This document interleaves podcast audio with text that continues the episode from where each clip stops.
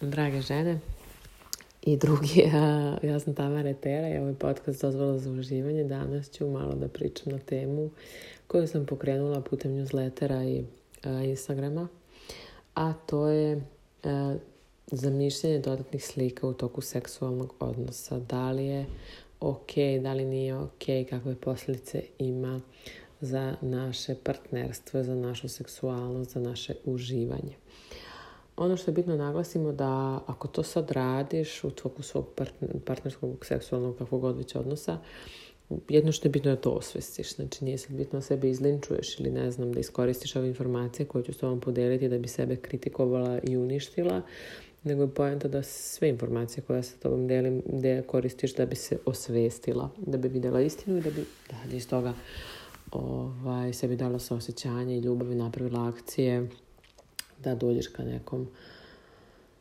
uh, dubljem, stvarnijem uživanju u svom životu, u svom partnerstvu i seksualnosti. Dakle, ono što je bitno naglasim, da postoje razne opcije tog zamišljanja tih slika. Neko ih zamišlja samo da bi doživeo orgazam, neko ih zamišlja toku celog seka, seksa, neko dijeli te slike, možda ti zamišljaš i govoriš svom partneru šta još ti tu zamišljaš ili on tebi. Eh, ako vi to delite, ako to neki vid vaše ovaj, dirty talka, pr prljave priče, to je okej. Okay.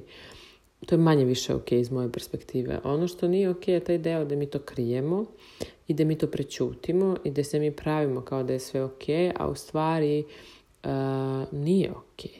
Jer scenarij da ovako vodiš ljubav, u nekom momentu ispadneš iz toka, da li krenu misli, e, nesigurnost, pitaš se da li njemu dobro, da li tebi dobro, krene taj neki ono tok i sad bi se ti vratila, kre, mislim da bi se vratila ne znam čemu, da bi došla do orgazma, da bi se vratila u napaljenost, ti kreneš da zamišljaš slike. E, to je ok ako to radiš i ono što ja želim da osvestiš jeste da zamislimo scenariju koji se dogodi ako ne zamisliš slike i ne odeš na kraju do tog svog željenog cilja, da se tako izrazim.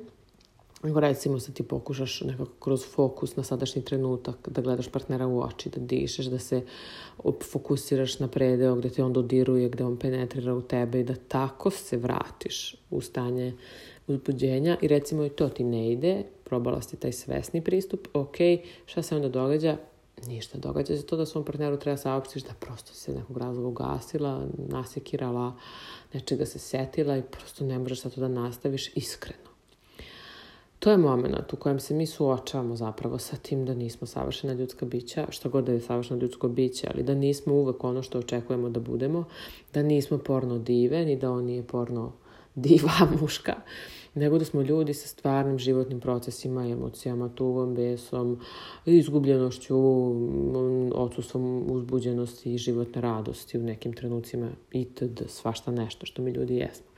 Dakle, to je trenutak u kojem maska tebe kao neke žene koja je, nema pojma, uvek doživi orgazam ili već nešto što si ti sebi nalepila da je sad svaki seks sa tobom vrhunski ili on će uvek da svrši ili nebitno je šta si ti to sebe kao identifikovala sa tim. Ta maska pada i ti sebi dozvoljavaš da budeš ta koja tad jesi, zaista iskrena u svojim emocijama. Dalji razvoj situacije će ti reći mnogo o tome kakav je to muškarac i kakav je to odnos. Ono čega se žene plaše jeste da se suoče sa tim da možda to nije muškarac kojeg zanima uopšte da bude za tebe tu emotivno ili muškarac kojeg zanima da bude za bilo koga tu emotivno, muškarac kojeg zanima bilo šta sem da bukvalno izdrka u tebe, na tebi, pored tebe, sa tobom u sobi i da ga zaista ne zanima tvoja suština, tvog postojanja, jer ga ne zanima ni svoja, nema to nikakve veze sa tobom. E sad, e, Isto tako, ako ti rađe vrtiš te slike, umesto da zaista se zainteresuješ za suštinu svog postojanja, ni tebe ne zanima suština tvog postojanja. I to je okej. Okay. To je okej. Okay. Meni je jako bitno da samo to osvestimo. I da onda sutra, kada mi dođe neka žena i krene da me pita a što su muškarci emotivno nedostupni? Pa zato, jer si i ti. Jer ti svoje emocije ne dozvoljavaš da se izađu, da se vide, E, jer ti misliš da nema mesta za njih, jer ti misliš da je važnije da budeš napaljena i da doživiš orgazam i da njega odvedeš ne znam gde uz pomoć slika koje nisu istinite, nego da budeš iskrena. Jer ti nisi emotivno otvorena i iskrena. Jer ti sebi ne dozvoljavaš to. I onda kako misliš on to da dozvoli? Pa on oseti, njegova, duš, njegova suština oseti da je to prostor u kojem nema mesta za emocije, nego je mesto za to, hajde, ko je sad bolje ljubavnik, ko je jači, ko je srećniji, ko je uspešniji, ko je e, to takmičenje, ko će više da doživi uživanja. I tu se gubi zapravo ta emotivna ranjivost koju žena samoj sebi uskrati, njemu uskrati i on umesto da dobije ženu koja je ceo paket, celo biće sa svim svojim emocijama, e, usponima i padovima, dobija tu jednu savršenu sliku iz pornića koja je ta slika koju on očekuje. E, mnogo vas kaže da, ali kao šta ako me ostavi, da, ali kao ako žena iskrena uvek dobije odbacivanje, ne znam šta. To je možda tako, ali ono što mi treba da uradimo da to promenimo. I to ćemo promeniti tako što krenemo da delamo drugačije, ne tako što se kukamo, da muškarci uvek imaju neka očekivanja. E, mi svi imamo neka očekivanja u skladu sa tim kako smo do sada živjeli ovaj život. Kada se nešto promeni, onda se očekivanja promene. Mi ne možemo da očekujemo da će spoljni sve da se promeni ako se mi ne promenimo. Ti ne možeš da očekuješ da će muškarci jednom postati emotivno dostupni ako ti nisi emotivno dostupna za sebe. Suočavanje s ovim istima je jako bitno. I meni je jako bitno samo da shvatite da, da te neke male, benigne stvari, bele laže što ih ljudi zovu, koje mi mislimo da nemaju nikakve posljedice, nego eto, doživjela sam orgazam, bilo mi je lepo, zapravo dugoročno nama oduzimaju od kvaliteta života.